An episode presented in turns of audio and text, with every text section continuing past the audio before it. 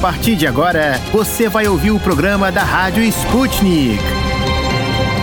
Oi, ouvintes! Eu sou a Francine Augusto e apresento o programa de hoje com a querida Melina Saad. Finalmente chegou a sexta-feira, Mel. Ah, o dia mais esperado da semana, né, Fran? Vamos lá trazer o que acontece de mais importante no Brasil e no mundo nesta sexta-feira, 11 de março. O presidente Jair Bolsonaro culpou o PT e o Supremo Tribunal Federal pela alta do preço dos combustíveis. A declaração foi feita durante uma live nas redes sociais em meio à disparada dos preços do petróleo petróleo no país e mais um reajuste anunciado pela Petrobras. Apesar da acusação, Bolsonaro reconheceu que o aumento no preço é uma questão mundial. Falando em combustíveis, Melina, o Senado aprovou ontem o projeto que cria o chamado Auxílio Gasolina e um fundo para estabilizar os preços de derivados do petróleo. Exatamente. Segundo o texto, uma parte dos dividendos da Petrobras entraria como uma das fontes de recursos para esse fundo. A proposta segue agora para apreciação da Câmara dos Deputados. Lembrando que esse ano tem eleição e o tema já mobiliza os presidenciáveis e certamente vai estar no centro do debate eleitoral. Com certeza vai, Fran. E falando em eleição, o presidente Jair Bolsonaro anunciou que a ministra da Agricultura, Tereza Cristina, deve disputar uma vaga para o Senado, estreitando assim as opções para vice-presidente. Ganha força agora o nome do ministro da Defesa, Braga Neto, para compor a chapa com Bolsonaro. O presidente manteria assim um militar militar como seu vice,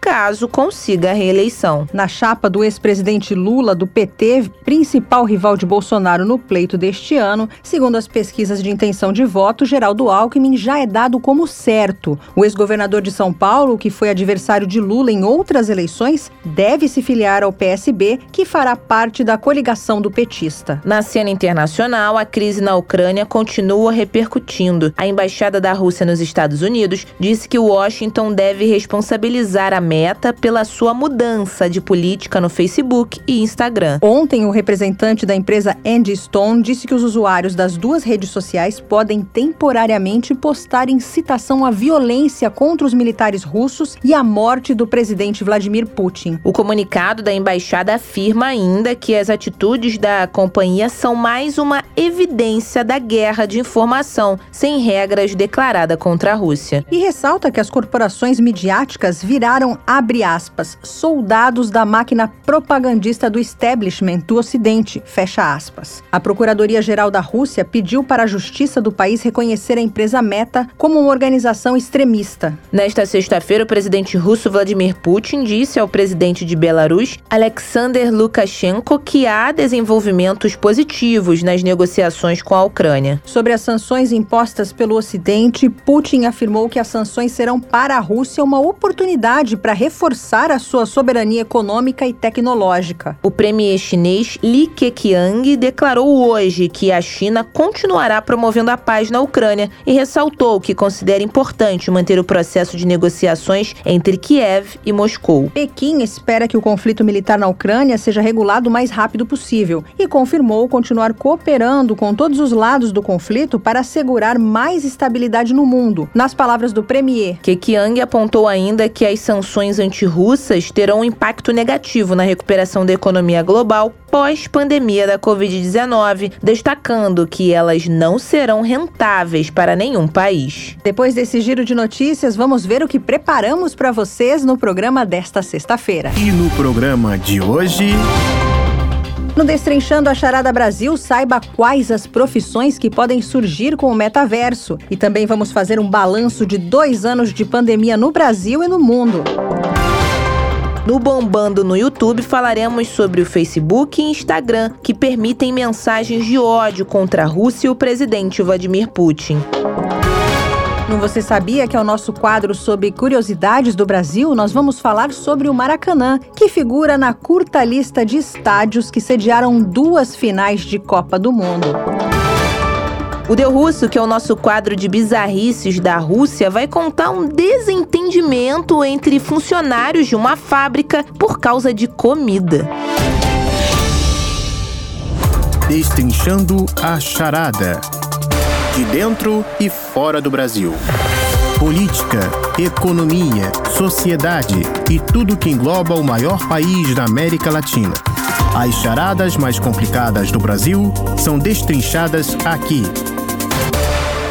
Olá, Fran. Olá, queridos ouvintes. Antes de mais nada, eu agradeço a companhia de vocês mais uma vez. Olá, pessoal. Começando mais um Destrinchando a Charada Brasil com temas da atualidade que a gente ajuda o ouvinte a ficar por dentro. E tem coisa mais atual que a internet, Fran? Você que gosta de tecnologia sabe o que é o metaverso, não sabe, Fran? Melina, eu não sei se eu sou tão tecnológica e antenada assim como você acha, viu? Mas já ouvi dizer sim, falar esse nome. Até o Facebook mudou o nome para Meta. Tem alguma coisa a ver, não é isso? É sim, você acertou. Para quem não sabe, eu vou explicar porque eu também tive que dar uma estudadinha para fazer o programa de hoje. Metaverso é um nome que se dá para uma espécie de mundo virtual que tenta replicar o mundo real por meio de dispositivos digitais.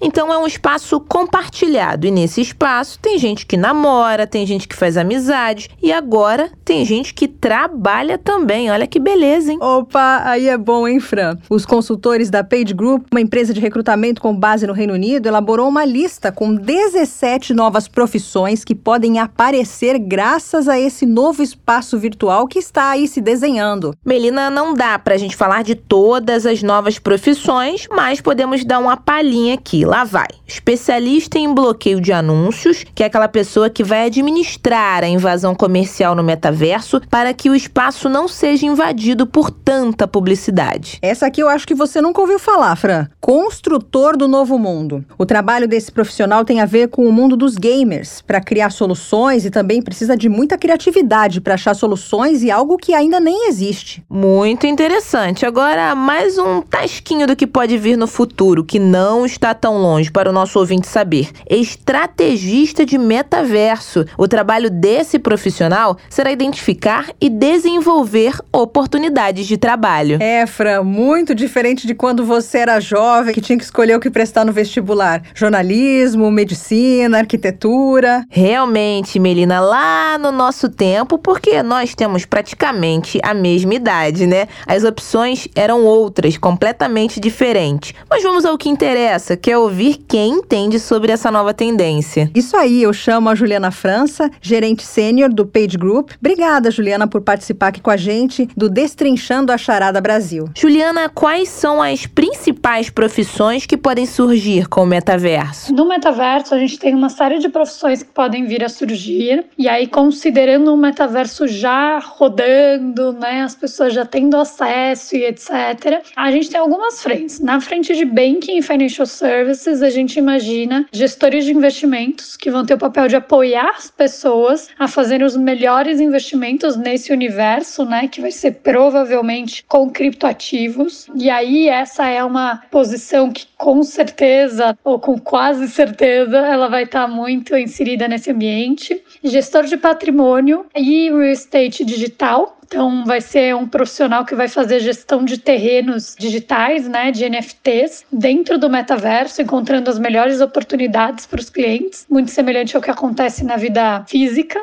E aí, já migrando para um mundo um pouco menos financeiro, mas um mundo de tecnologia. A gente está falando de gerentes de segurança da informação e riscos, e então profissionais que vão ser voltados para orientação e supervisão e desenvolvimento de tecnologias, para a gente criar um ecossistema dentro do metaverso que seja mais seguro e que não hajam ou que minimizem falhas de segurança da informação dentro desse ambiente. E aí a gente também está falando de especialistas de segurança cibernética. É, o metaverso ele promete ser alvo de muitos ataques cibernéticos e fraudes. Então, esse profissional ele vai atuar focando é, especificamente nesse tipo de segurança, pensando que esses profissionais vão bloquear as invasões em tempo real e garantir que as leis e os protocolos definidos pelo time de segurança da informação sejam sempre reconsiderados e corrigidos quando necessário. Por fim, a gente gente vai ter também, por exemplo, um desenvolvedor de avatar, que vai ser um profissional dentro do metaverso voltado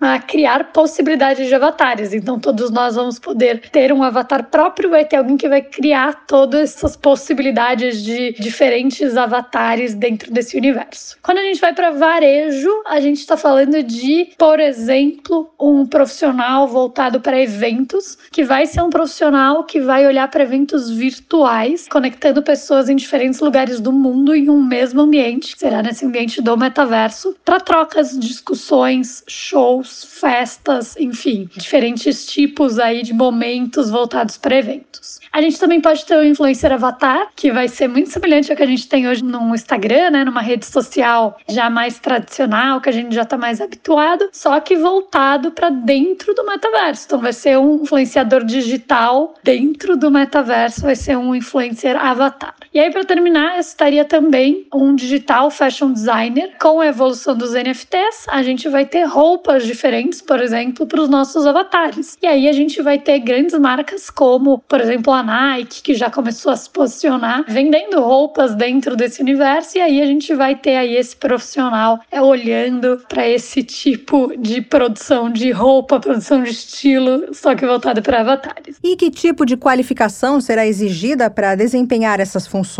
De forma geral, a gente pode falar de idioma, inglês, querendo ou não, isso facilita não só é, a interface com tecnologia, mas a interface entre as pessoas no mundo todo. Então, inglês vai ser muito importante. Aptidão para estatísticas ou técnicas estatísticas em grande parte dessas profissões também vai ser importante. Habilidade com tecnologia, e aí tecnologia, claro que em diferentes proporções, né? Uma vaga de TI, claro que vai ser o core, mas quando a gente pensa numa vaga de mercado financeiro ou até mesmo de varejo, as vagas que eu citei também vão exigir aptidão com tecnologia, porque no fim do dia essa pessoa vai ter que se atualizar, vai ter que estar todo momento ali aprendendo e reaprendendo sobre novidades que vão ser bastante frequentes dentro desse universo de metaverso. Então, de forma bem geral, eu destacaria esses três principais hard skills. É uma mudança e tanto para o mercado de trabalho, né? Você acredita que surgirão mais vagas? Sim, é uma grande mudança no mercado de trabalho. Com certeza surgirão mais vagas, sumirão algumas vagas e para que a gente se prepare para esse novo momento aí de mercado, esse novo momento de tecnologia,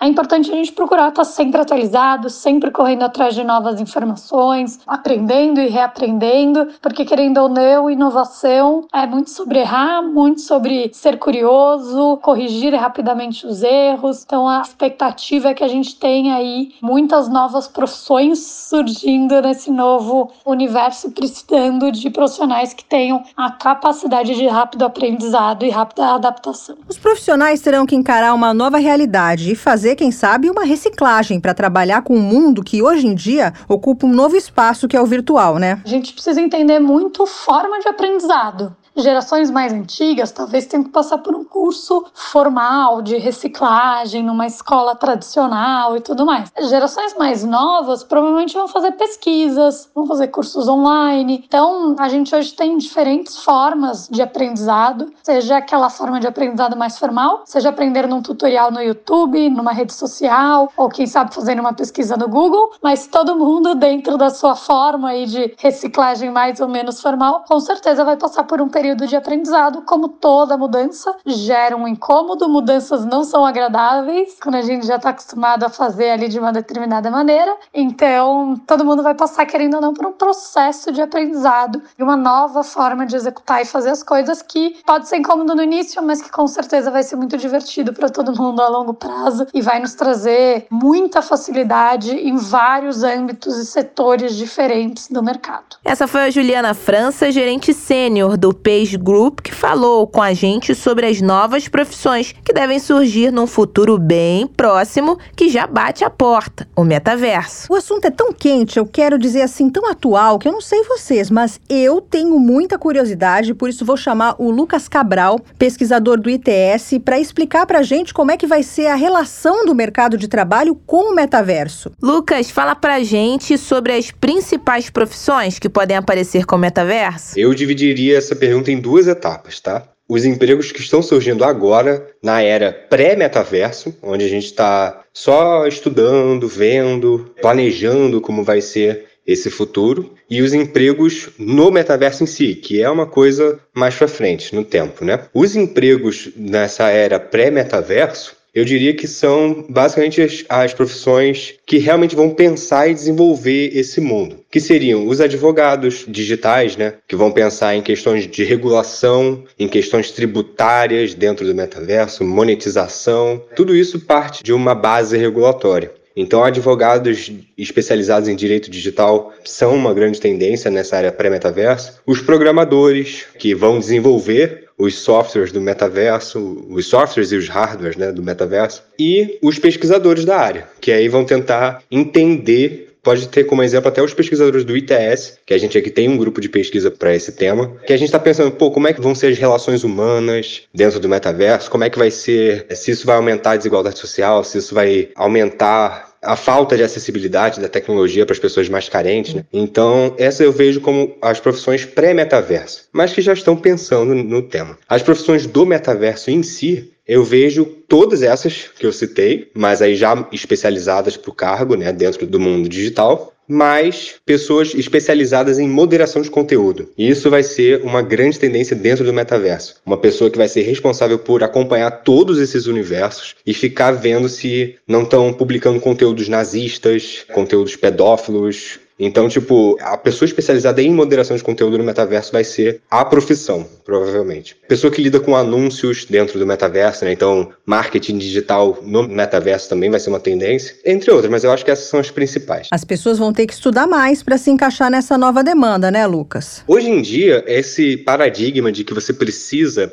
ter uma especialização, uma graduação para fazer alguma coisa, vem caindo, né? Porque você vê várias pessoas que não têm diploma e que mesmo assim são especializadas em marketing digital, são programadores, que são ramos que ainda não exigem tanto, né? Essa questão mais burocrática, mas é óbvio que é um diferencial. Então, eu acho que essas pessoas que vão atuar dentro do metaverso vão seguir o mesmo padrão de cenário, né? Vão existir as pessoas que não vão precisar de nada, não vão precisar de nenhum tipo de graduação, qualificação, nem nada do tipo, mas que vão estar atuando nessa área há tanto tempo, né? Que são o caso dos gamers, do, do pessoal que joga muito videogame, que faz streaming, os próprios influenciadores digitais, né? Que vão ser muito reconhecidos dentro desse universo mas vai ser sempre um diferencial, né? Você ter alguma qualificação específica para exercer a sua função lá dentro. Então, ah, um advogado que queira exercer a sua função lá dentro, se ele não for especializado em direito digital, ele não vai conseguir um cargo para trabalhar dentro do metaverso. Né? Então, pode ser que siga essa tendência de não precisar, mas é óbvio que é sempre um diferencial. Então, será bom para o mercado de trabalho? Haverá mais postos de trabalho? Vai ser uma mudança no mercado de trabalho, com certeza, porque fora o tipo de exercício que você vai ter que fazer, que é diferente, né? Você vai estar tá no mundo digitalizado, usando até tecnologias para fazer essa experiência imersiva, né? Porque muitas vezes o metaverso você precisa ter óculos de realidade virtual, sensores nas mãos, né? Então, é uma mudança porque porque você vai sair do seu, da sua rotina, literalmente sair do seu universo e, e ir para um universo digitalizado. Então vai ser uma mudança grande. A gente sentiu essa mudança com o home office, mas nem se compara com a mudança que é de você sair do mundo físico e ir para o mundo digitalizado, né? E sobre as vagas, podem surgir novas vagas porque vão criar, vamos criar novas ramificações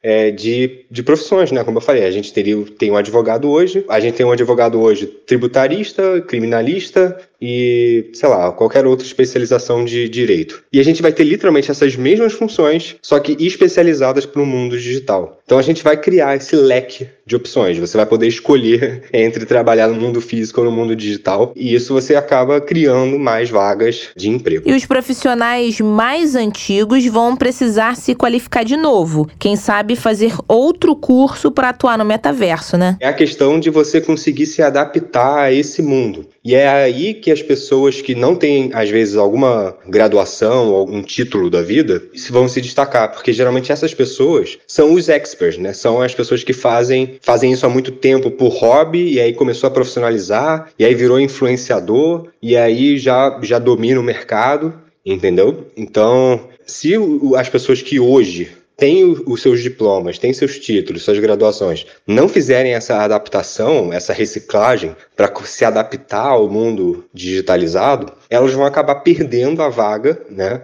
para uma pessoa que já está lá há muito tempo, uma criança de, de 15 anos que já faz isso há, há 5 anos no mínimo, jogando, né, em plataformas digitais, ela vai ter muito mais experiência no mundo digitalizado do que um doutor em direito constitucional, bem deixando bem discrepante assim essa diferença, porque esse cara que é doutor e tal, ele pode não ter nenhuma ideia de como é entrar no metaverso, mas a criança de 15 anos sabe. Então, no momento que uma empresa vai contratar alguém para trabalhar nesse mundo digitalizado, ela provavelmente vai tender a preferir a pessoa que tem mais experiência nesse ramo. Então, sim, vai ter que fazer uma reciclagem, vai ter que fazer uma adaptação. Isso não é um processo fácil. Aqui no Brasil, a gente. E isso também pode causar, como a gente vê no Brasil, uma grande falta de acessibilidade na área da tecnologia, onde poucos têm muito e muitos têm poucos. Então, isso é um processo que a gente vai ter que criar com políticas públicas também, né? De acesso à internet, de acesso à informação, de acesso a todos, né? O cenário do 5G. Né, a gente vê que poucas pessoas vão conseguir utilizar o 5G porque um equipamento de que atende às necessidades do 5G são muito caros, né? Então, imagina você trabalhar numa empresa que tem que ter capacete de realidade virtual e você não conseguir bancar isso, né, para ter essa experiência prévia, né?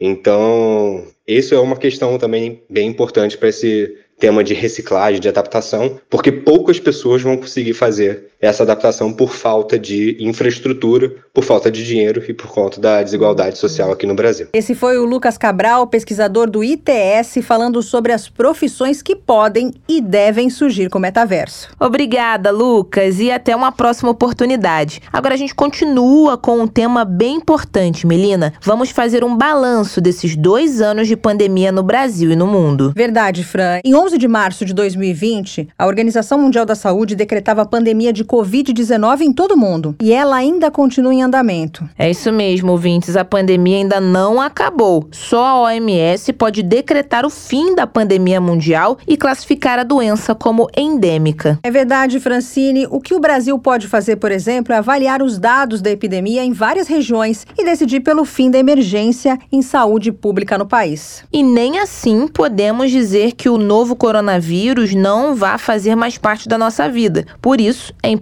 continuar a se proteger e, principalmente, a se vacinar. Pois é, Fran, os últimos levantamentos entre os pacientes internados aqui no Brasil mostravam que a grande maioria ou não estava com o esquema vacinal completo ou sequer tinha tomado a primeira dose. Um dos fatores que podem fazer com que a pandemia seja ainda mais prolongada. A outra preocupação da Organização Mundial da Saúde é com o desequilíbrio na distribuição das vacinas entre os países. Um exemplo disso é o continente africano, que até agora tem somente 11% da população vacinada. Uma realidade que, além de expor a desigualdade na distribuição dos imunizantes, pode resultar no surgimento de novas variantes e adiar ainda mais o fim da pandemia. A Rádio Sputnik convidou o infectologista Júlio Croda para falar dos possíveis cenários da pandemia aqui no país e da previsão para o futuro quando se fala em enfrentar a Covid-19. Júlio Croda é pesquisador da Fiocruz e professor da Universidade Federal do Mato Grosso do Sul. Professor, qual o balanço que o senhor faz desses dois anos? A gente teve muito problema né, na resposta em emergência de saúde pública pública, né? A gente não soube lidar no contexto mundial, mas aqui no Brasil também se tornou mais claro,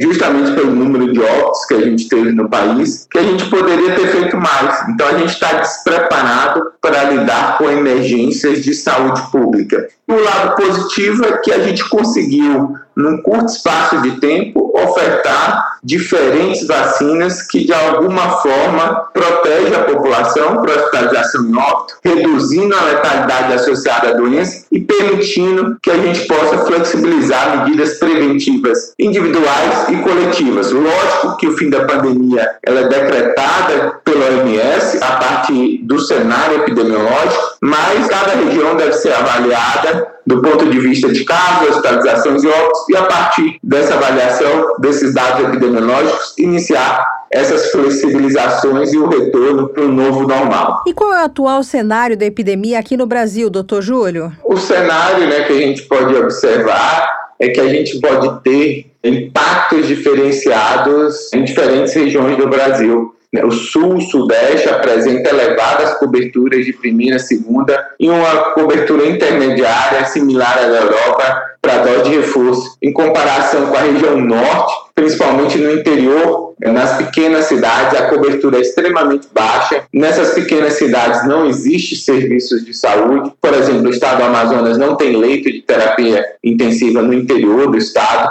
E isso vai impactar essas comunidades mais carentes, essas cidades mais distantes do grande centro, levando essa desigualdade que a gente já comentou. Então, assim, é o momento da gente fazer essa reflexão. Apesar do Brasil ter avançado numa cobertura geral de vacinação de segunda dose, a gente tem que focar nessa dose de reforço e diminuir essas desigualdades. No momento de tranquilidade que a gente vai viver a partir de agora, é importante entender por que essas cidades não conseguiram vacinar sua população, talvez é, fazer abordagens diferenciadas, é, fazer oficinas para entender essas motivações e propor soluções adequadas para que a gente possa ter mais homogeneidade na distribuição vacinal.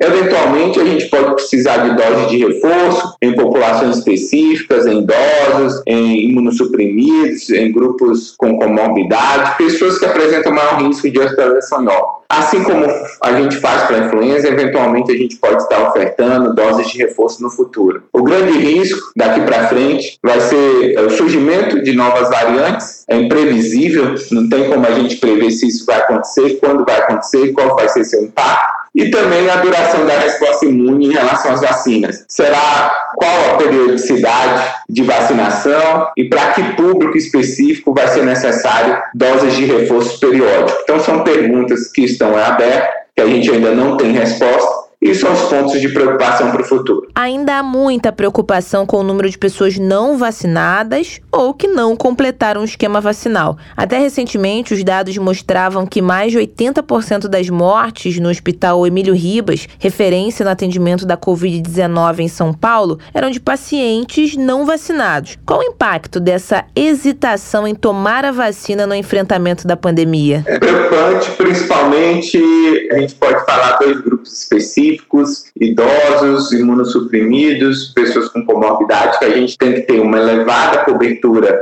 de doses de reforço para continuar protegendo principalmente para hospitalização e óbito, e a faixa etária pediátrica, onde a cobertura ainda é muito baixa. A gente está vendo nesse início de ano, com a retomada das atividades escolares, um aumento de internações de crianças em todo o Brasil, dados que foram identificados pelo Infogripe no momento de flexibilização sem coberturas vacinais elevadas, a gente pode ter aumento de hospitalização. Nessa faixa etária é isso que a gente está observando. Então a gente espera que a gente possa, de alguma forma, estar tá completando o esquema vacinal em todas as faixas etárias, inclusive na população pediátrica, que a gente possa avançar na dose de reforço, principalmente nesses grupos de maior risco, mas também para toda a população, já está liberada essa terceira dose a partir de quatro meses da segunda dose. Então, é importantíssimo para a gente manter uh, o quadro atual de tranquilidade e de flexibilização dessas medidas, que a gente aumente a nossa cobertura vacinal para a gente não sofrer nenhum impacto associado a essas flexibilizações. Agora, doutor Júlio, a gente sabe que a pandemia atingiu com mais intensidade as pessoas em situação de vulnerabilidade social. Os indígenas e as populações ribeirinhas são alguns dos exemplos brasileiros. E a gente sabe também que essas pessoas seguirão mais sensíveis aos efeitos da pandemia. O que pode ser feito a longo prazo para diminuir esses impactos? Então, a gente sabe que mesmo durante a pandemia, com recursos destinados a isso, essas populações foram negligenciadas. A gente pode falar das populações ribeirinhas, mas também podemos falar das baixas coberturas na população indígena, baixa cobertura na população privada de liberdade, e a tendência é que isso piore, infelizmente, né? Porque com essa transição, o investimento vai diminuir e essas populações que estão negligenciadas vão sofrer ainda mais. Então é importante diminuir a desigualdade em relação ao acesso a serviços de saúde, em relação à oferta de vacina, mas também a desigualdade em relação à oferta ao atendimento, à testagem, a leitos de terapia intensiva. A gente sabe que 20% das cidades mais pobres têm as menores coberturas vacinais. Então você tem uma associação de dois fatores. Você tem a pobreza associada a baixo investimento em saúde,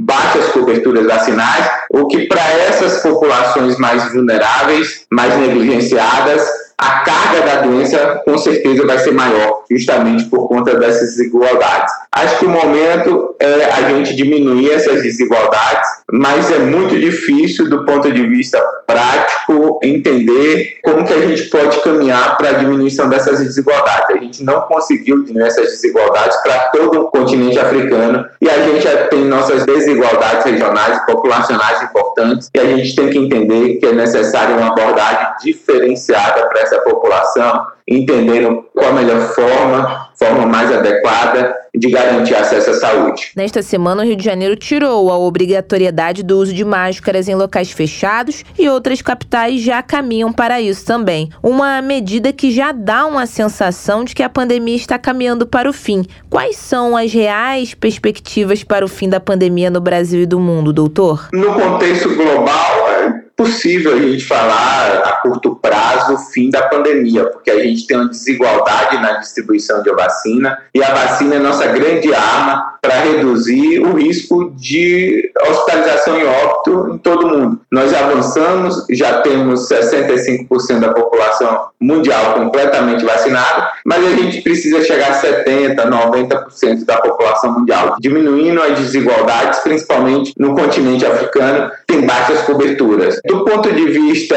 da desobrigação do uso de máscaras, a gente tem que entender que a gente passou recentemente por um evento de aglomeração em massa, que é o carnaval, a gente não sabe, não tem como prever se a gente vai ter um aumento ou não de número de casos, eventualmente hospitalizações. Seria prudente fazer essa flexibilização de forma mais gradual. São Paulo está fazendo isso, né, porque ele não tinha essa flexibilização para ambientes abertos, está flexibilizando ambientes abertos, aguardando duas semanas e decidindo se vai flexibilizar em ambientes fechados e quais ambientes fechados deverão permanecer a recomendação de uso de máscara. O Rio, é, de alguma forma, a cidade do Rio, propriamente dita, aboliu praticamente o uso de máscara, mantendo a recomendação apenas a nível individual para algumas populações de maior risco, para hospitalização e óbito, e de alguma forma a gente não sabe o que vai acontecer. Então, nesse momento, é importante ter prudência e sempre avaliar o impacto de qualquer tipo de flexibilização.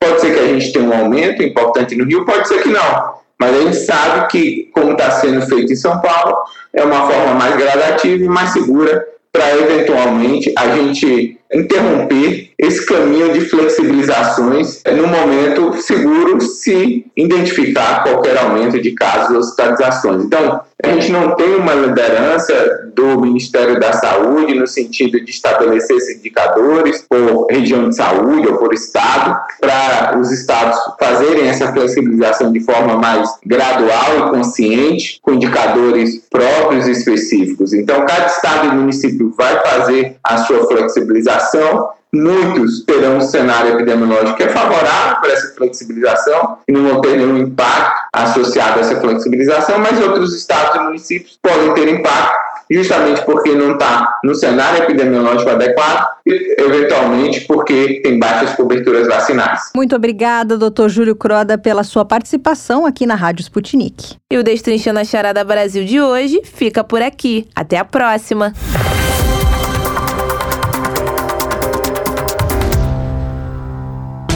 Os vídeos mais esperados estão disponíveis no nosso canal no YouTube. Para encontrá-lo é fácil. É só buscar Sputnik Brasil no YouTube, aproveitar as imagens e ainda se informar. Bombando no YouTube. Curtidas e mais curtidas da Rússia ao Brasil. Confira com a Rádio Sputnik os vídeos que receberam mais likes e visualizações e estão no topo do YouTube e fique por dentro do que está sendo filmado por amadores ou profissionais pelo mundo afora.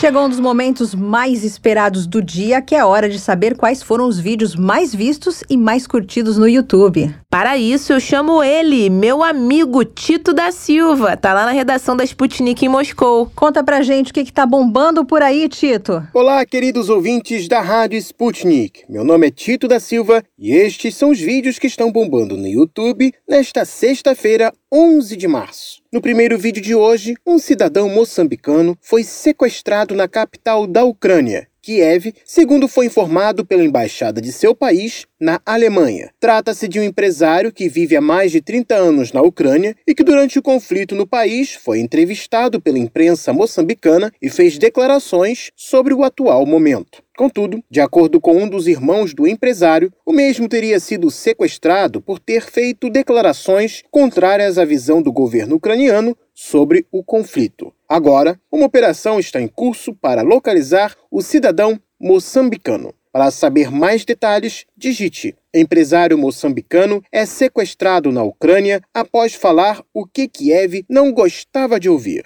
No segundo vídeo de hoje, o presidente russo Vladimir Putin deu declaração favorável à entrada de voluntários estrangeiros para que estes venham participar do conflito nas repúblicas de Donbass. De acordo com o ministro da Defesa russo, Sergei Shoigu, pelo menos 16 mil pessoas, a maior parte delas oriundas do Oriente Médio, se voluntariaram a prestar apoio às repúblicas de Donetsk e Luhansk. A fala de Putin você pode assistir digitando Voluntários do Oriente Médio querem lutar ao lado de Donbass, diz Rússia. No terceiro vídeo de hoje, Vladimir Putin, em conversa com autoridades de seu país, apoiou a ideia de intervenção estatal em empresas estrangeiras que aderiram às sanções contra a Rússia e planejam encerrar suas atividades produtivas no país. A ideia, que teria sido apresentada pelo premier Mikhail Mishustin, traria a possibilidade de o governo russo passar o gerenciamento de tais empresas para novas direções que venham a manter o seu funcionamento na Rússia. Para mais detalhes, digite Putin, empresas que querem sair da Rússia podem ser dadas a quem quer trabalhar.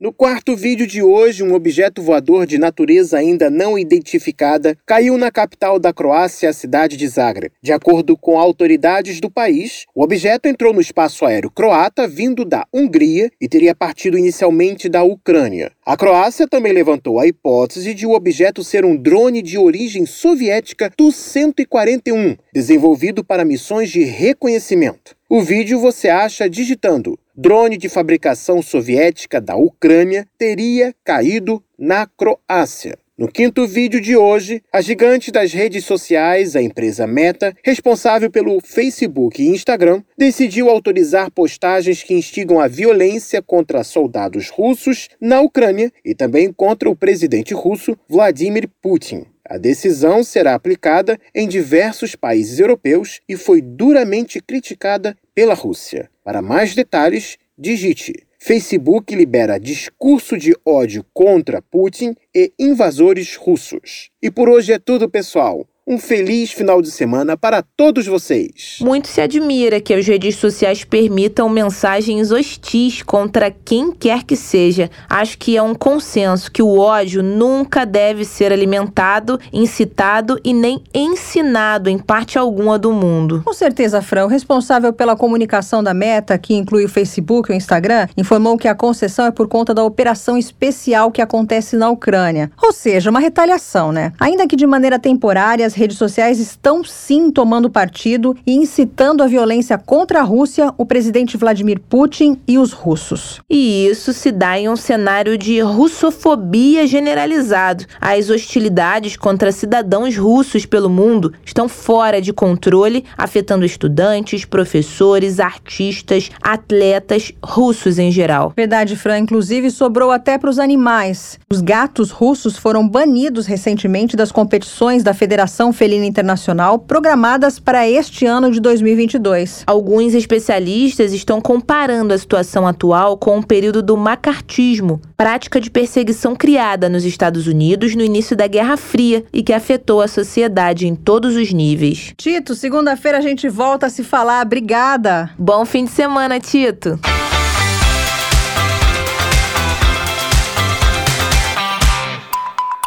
Para ficar por dentro de todas as novidades, tanto mundiais como brasileiras, se inscreva no nosso canal do Telegram. É muito simples.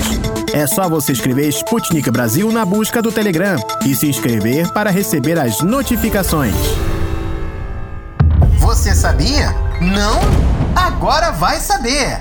Um país gigante como o Brasil, sempre há mistérios ou peculiaridades históricas que merecem ser desvendados. Vem com a gente descobrir!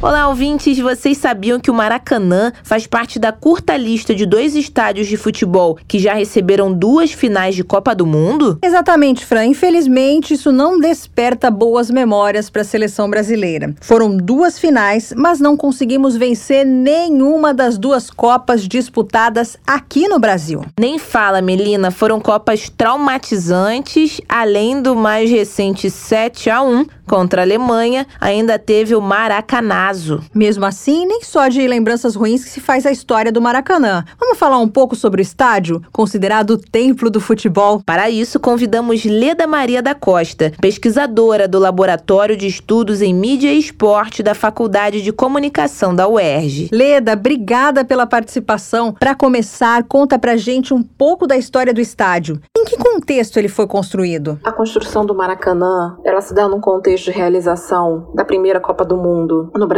da primeira Copa do Mundo após a Segunda Grande Guerra Mundial, e se dá num contexto de forte relação aqui no Brasil entre nacionalismo e esporte. Essa foi uma relação que perpassou a realização da Copa do Mundo e a construção do Maracanã. Entendia-se, na época, que Tratava-se de uma oportunidade única de mostrar ao mundo que o Brasil era uma nação capaz de abrigar o torneio mais importante de futebol do mundo, que era um país capaz de construir um estádio para abrigar esse torneio e, quiçá, vencer esse torneio. Então, a construção do Maracanã e o contexto em que ele se ergue é o contexto indissociável da realização da Copa do Mundo indissociável também de um país que queria se firmar e se mostrar ao mundo como vitorioso e capaz de vencer por intermédio do futebol. Portanto, também é indissociável de um contexto em que a relação entre nação e futebol é muito importante para a época. Na época da reforma do Maracanã para a segunda Copa do Mundo no Brasil e também para as Olimpíadas do Rio, houve bastante discussão na sociedade. Como o estádio foi recebido na época da construção? A construção do Maracanã, ela foi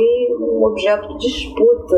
O Maracanã foi um objeto de disputa de diferentes esferas, incluindo a política, a esfera econômica, urbanística e, e obviamente, também a esportiva. Destaco nessa disputa, disputa política ocorrida entre os vereadores Ari Barroso e Carlos Lacerda, que no ano de 47 protagonizaram uma disputa em torno de qual seria o melhor local do Rio de Janeiro para receber o estádio para a Copa de 50. De um lado, Ari Barroso defendendo a construção de um estádio na área do Maracanã, do outro lado, Carlos Lacerda já defendendo a construção de um estádio mais para a zona oeste do Rio de Janeiro, um estádio de menor porte do que Ari Barroso defendia. Essa construção do Maracanã, o nível de disputa dela também se faz evidente na instauração da Comissão dos Sete, pelo prefeito Mendes Moraes, formado por membros como arquitetos, o jornalista Mário Filho, que era uma figura extremamente importante, vai dar o nome ao Maracanã, e uma disputa em torno da localização do, Maracanã e também do tamanho que ele teria. Acabou vencendo a proposta de Ari Barroso, amplamente apoiada por quem detinha o principal jornal esportivo da época, que era o Mário Filho. Aprovada a construção de um estádio no Maracanã, do terreno do antigo derby, um estádio que abrigasse por volta de 200 mil pessoas.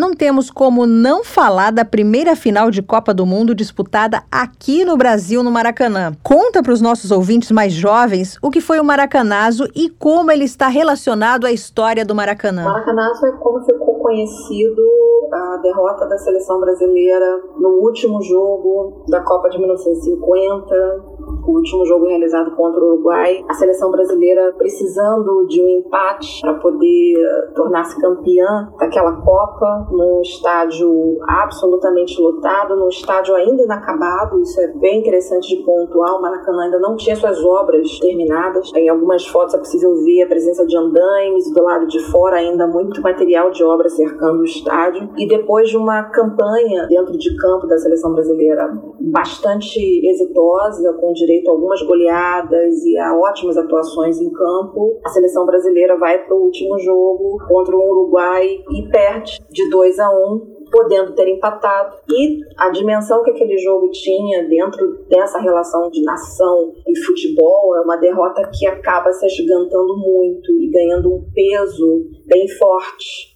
muitas vezes sendo considerada por cronistas da época como uma derrota da nação. Foi uma derrota que transcendeu a esfera esportiva, uma derrota vista como a derrota de um povo, como a derrota de uma nação que não conseguiu se mostrar à altura do evento. Obviamente, isso é uma interpretação que foi feita na época, não que isso seja realmente verdade. E isso marca a história do Maracanã, essa derrota. E Leda, que fatores levaram o Maracanã a brigar duas finais de Copa do Mundo? Contamos com a sorte mesmo como fator principal? O Maracanã abrigou as duas finais, no caso 1950, o último jogo, não foi exatamente uma final, mas foi o último jogo da Copa, que calhou de ser Brasil e Uruguai, e calhou de ser o, o jogo decisivo. Ele era o principal estádio da Copa de 1950. Ele foi construído especificamente para ser o principal palco desse evento. Foi o único estádio construído, erguido do nada para a Copa de 50. Então me parece que ele era o personagem principal de 1950, né? Sobretudo pensando naquele contexto nacionalista que o via como um, um símbolo de concreto da capacidade de construção, de vitória do Brasil. Em 2014, já é um outro contexto, já é um contexto de uma Copa que está sob uma relação entre futebol espetáculo já muito dimensionada, um estádio que foi bastante transformado para poder cumprir os padrões FIFA, o que não existia na década de 50, e o Maracanã, ao longo da existência dele, ele se constituiu, se construiu, foi percebido e assim representado como um estádio capaz de simbolizar o futebol brasileiro e de simbolizar o Rio de Janeiro. Então, não creio que tenha sido um fator sorte mas levou-se em consideração esse estádio, que é um estádio que a gente poderia chamar ele de aurático, um estádio mito, é enfim, um estádio sobre o qual se deposita grande parte do imaginário futebolístico nacional. Agora, o Maracanã é um entre apenas dois estádios do mundo que sediaram duas finais de Copa. O outro foi o Azteca, na cidade do México. Que semelhanças e que diferenças existem entre os dois estádios, para além desse fato curioso? Bom, essa questão é bem interessante. São dois estádios, eu os chamaria de estádios auráticos, sobretudo porque são muito representativos na história do futebol mundial. É, no caso do Maracanã, uma relação que passa pelo fato de o Brasil ter uma trajetória de imagem e autoimagem muito vinculada à seleção brasileira, muito vinculada à Copa do Mundo, muito vinculada ao futebol. E um estádio como o Maracanã, que com o tempo se configura como um dos mais importantes do mundo, também extremamente vinculado à cidade do Rio de Janeiro, é um estádio que tem uma história diferente do Azteca. O Azteca, eu diria que ele também é um estádio aurático, mas eu me arriscaria a dizer que em termos de história da Copa do Mundo, para a Copa do Mundo, Azteca ele serviu de palco para finais absolutamente inesquecíveis e para seleções também que marcaram a época. Então você tem o Azteca em 1970 recebendo a seleção brasileira, enfrentando a Itália, uma seleção brasileira de Pelé.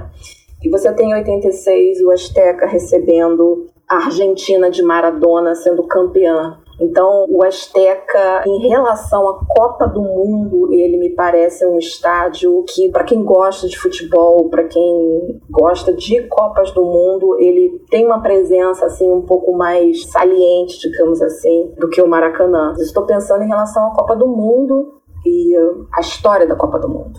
Leda, o que você pode apontar como mais curioso na história do Maracanã? Eu acho que é uma das forças que me parece fazer parte né, dessa monumentalidade do Maracanã, que mesmo após tantas transformações ainda permanece assim no imaginário nacional e também como presença urbanística, como um monumento bastante representativo. O que eu acho de mais interessante é ser um estádio que teve em seu momento inaugural, um momento importante assim, uma derrota, a derrota da seleção brasileira para o Uruguai, uma derrota que marca a narrativa do futebol brasileiro, que a gente pode até entender como uma espécie de mito fundador do futebol brasileiro. Claro que essa narrativa só vai se tornar possível porque Logo depois, a seleção brasileira vai se tornar muito exitosa em Copas do Mundo. Mas me parece fascinante na história do Maracanã, e aí eu acho que reside a força dele. É um estádio que sobreviveu ao que vai ser chamado de tragédia.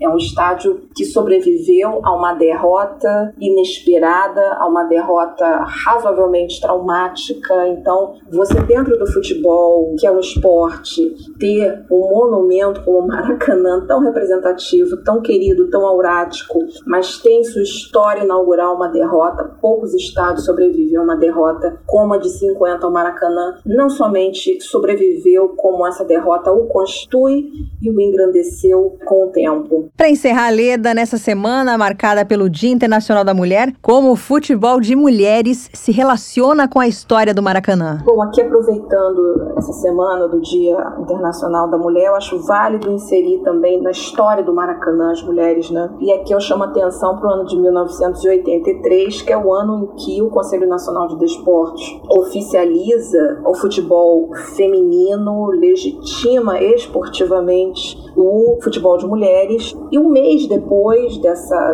legalização, dessa legitimação pelo Conselho Nacional de Desportos, o time do Bangu enfrenta o time do Cruzeiro numa preliminar do jogo Flamengo e Corinthians. Esse enfrentamento se dá no Maracanã, é uma preliminar, mas é um jogo icônico, primeiro jogo de mulheres realizado no Maracanã após o futebol feminino ter se tornado uh, legalizado esportivamente pelo Conselho Nacional de Desporto. Ele já tinha sido permitido, né, o futebol feminino foi proibido em 41 por decreto-lei, esse decreto-lei cai em 79, mas somente em 83 é que esportivamente o futebol feminino torna-se legalizado. Então chama atenção para essa partida do time suburbano Bangu, que é um time icônico do ano de 83, que vai fazer a final do primeiro campeonato carioca de futebol, também realizado em 1983. A final não vai ser no Maracanã não, tá? Mas essa partida Bangu versus Cruzeiro, uma partida amistosa, foi realizada no Maracanã Maracanã e é o primeiro jogo entre mulheres no Maracanã, entre dois times femininos, realizado nesse estádio icônico, aurático, nesse ano de 83, tão importante para o futebol feminino, em que o Rio de Janeiro e o Maracanã protagoniza essa partida com mulheres. O Maraca é nosso e tem uma história e tanto, né, Melina? Com certeza, Fran. Leda, obrigada, muito obrigada pela sua participação. O nosso Você Sabia de hoje fica por aqui, ouvintes. Até a próxima.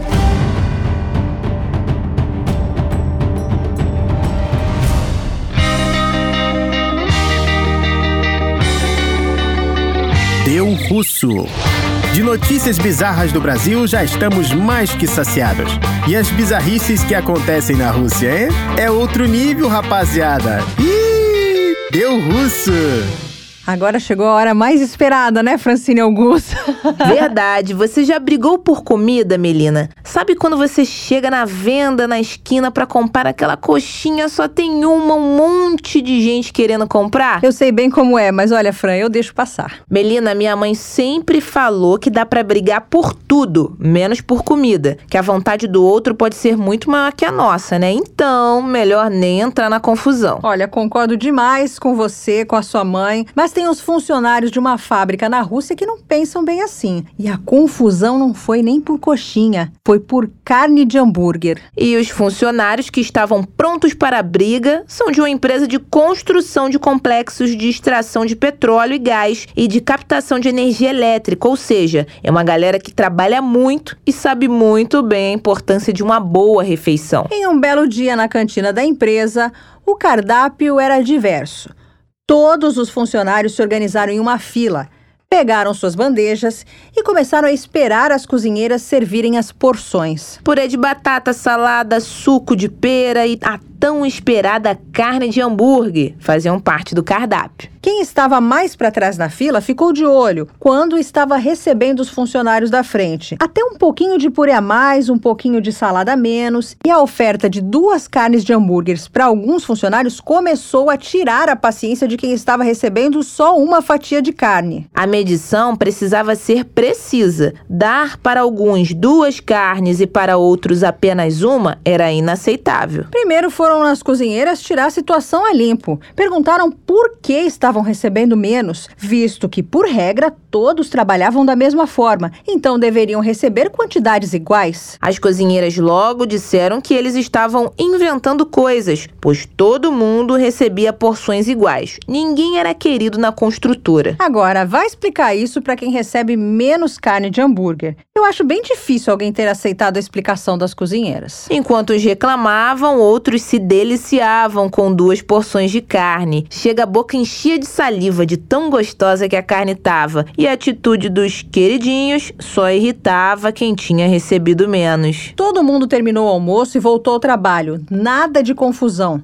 Bem, por enquanto, né? Antes de dormir, quem recebeu menos carne ficou matutando um tempão o que fazer para a situação não se repetir, mas não teve outra. No almoço do dia seguinte, a mesma coisa. E quem estava mais para trás da fila via que quem estava mais para frente recebia não uma, mas duas carnes de hambúrguer. A cantina da construtora se transformou em um ringue de luta, e tudo isso por uma fatia de carne. E olha que não era nem filé. Não era nem um pedaço de picanha, era uma carne de hambúrguer, mas que, pelo visto, não deixava a desejar. Bom, depois de toda a confusão e da bagunça na cantina, nunca mais um funcionário recebeu duas carnes de hambúrguer. Agora todo mundo da construtora vive em harmonia. Mas quem antes recebia duas fatias de carne, agora, além de precisar aturar ser igual a todos, vive sonhando com uma época em que ganhar mais era uma realidade.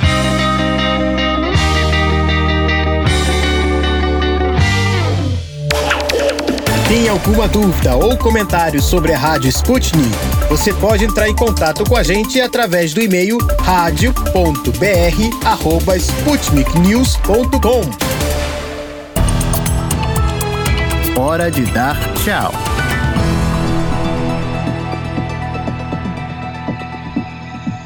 Ah, acabou a semana, Mel. Essa foi a nossa edição de sexta-feira, dia 11 de março. Sextou, Fran, mas eu sei que os nossos ouvintes vão continuar ligados em toda a nossa programação. Para isso, basta dar uma passadinha no site da Sputnik Brasil, br.sputniknews.com e conferir as notícias do momento. Fiquem ligados também nas informações sempre atualizadas no Twitter e Telegram da Sputnik Brasil. Lembrando que temos também nosso canal da Sputnik Sputnik Brasil no YouTube. Não dá para perder, né? Lá os nossos ouvintes encontram os vídeos dos assuntos mais importantes do momento, tanto no Brasil como no resto do mundo. Ainda falando em YouTube, Melina, não esqueçam, viu, ouvintes, de conferir as obras Quase Noturno, Tarde Valsa, do compositor gaúcho Armando Albuquerque, disponível no canal do Zenon Instituto Cultural. Entre no canal do Zenon Instituto Cultural, vocês poderão ouvir essas composições na íntegra. Antes, é claro, nós deixamos deixamos com vocês um trechinho da obra Valsa, que nós trazemos com exclusividade, né, Fran? Muito boa, Melina.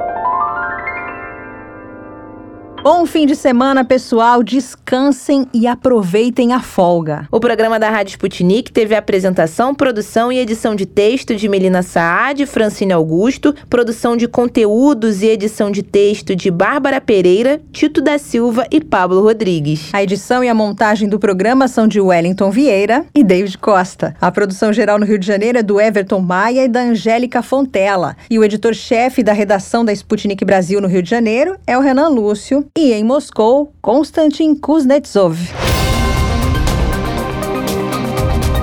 Você acabou de ouvir mais um programa da Rádio Sputnik.